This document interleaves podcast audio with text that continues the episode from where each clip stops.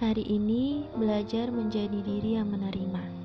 Menerima kalau kita ini hambanya, yang takut, butuh, dan tidak perlu merasa lebih tahu tentang tebak-tebakan skenario terbaik karena kita hidup bukan dengan cara kita, tapi dengan cara Allah.